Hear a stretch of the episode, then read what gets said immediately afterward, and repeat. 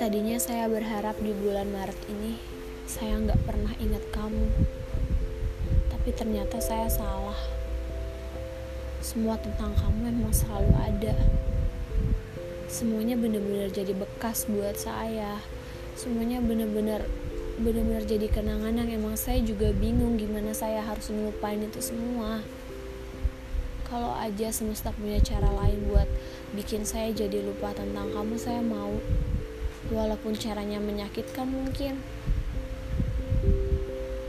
Nggak tahu. Saya padahal udah cari kesibukan. Tapi tetap aja masih ingat kamu. Apalagi kalau misalnya saya lihat dua sejoli lagi jalan bareng saya selalu ngebayangin itu kamu sama saya. Hm. Emang saya tahu saya ini halu banget.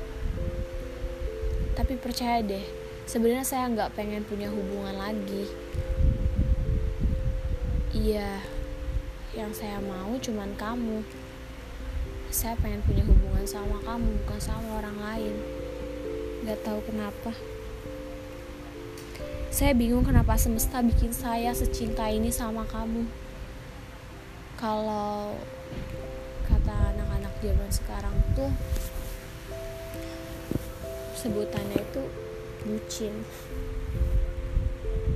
Nggak apa-apa kok bucin itu hal yang wajar buat saya di suatu hubungan. Walaupun sebenarnya kita udah nggak berhubungan apa-apa sih. Saya salah ngebucin sama kamu padahal kita itu nggak ada hubungan apa-apa. Tapi nggak apa-apa. Kalau bahasa halusnya biar saya yang jatuh cinta sendiri. Jatuh cinta buat saya kamu itu emang beneran ada tapi kalau kalau untuk orang lain saya nggak tahu. Kayak jatuh cinta tuh udah nggak ada.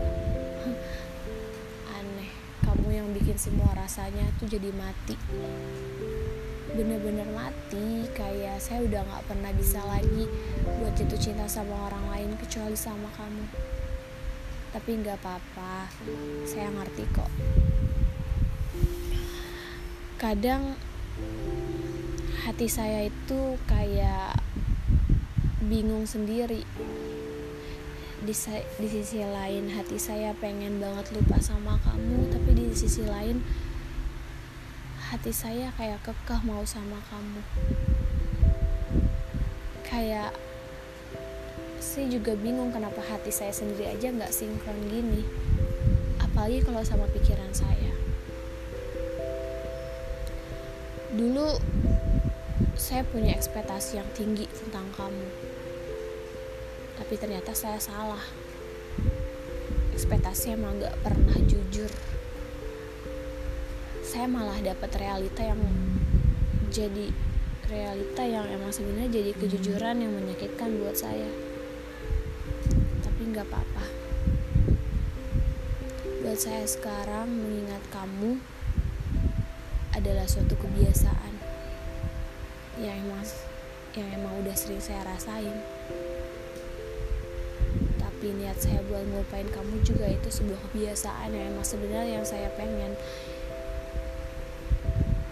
gak apa-apa. Semesta punya caranya kok buat bikin semuanya jadi baik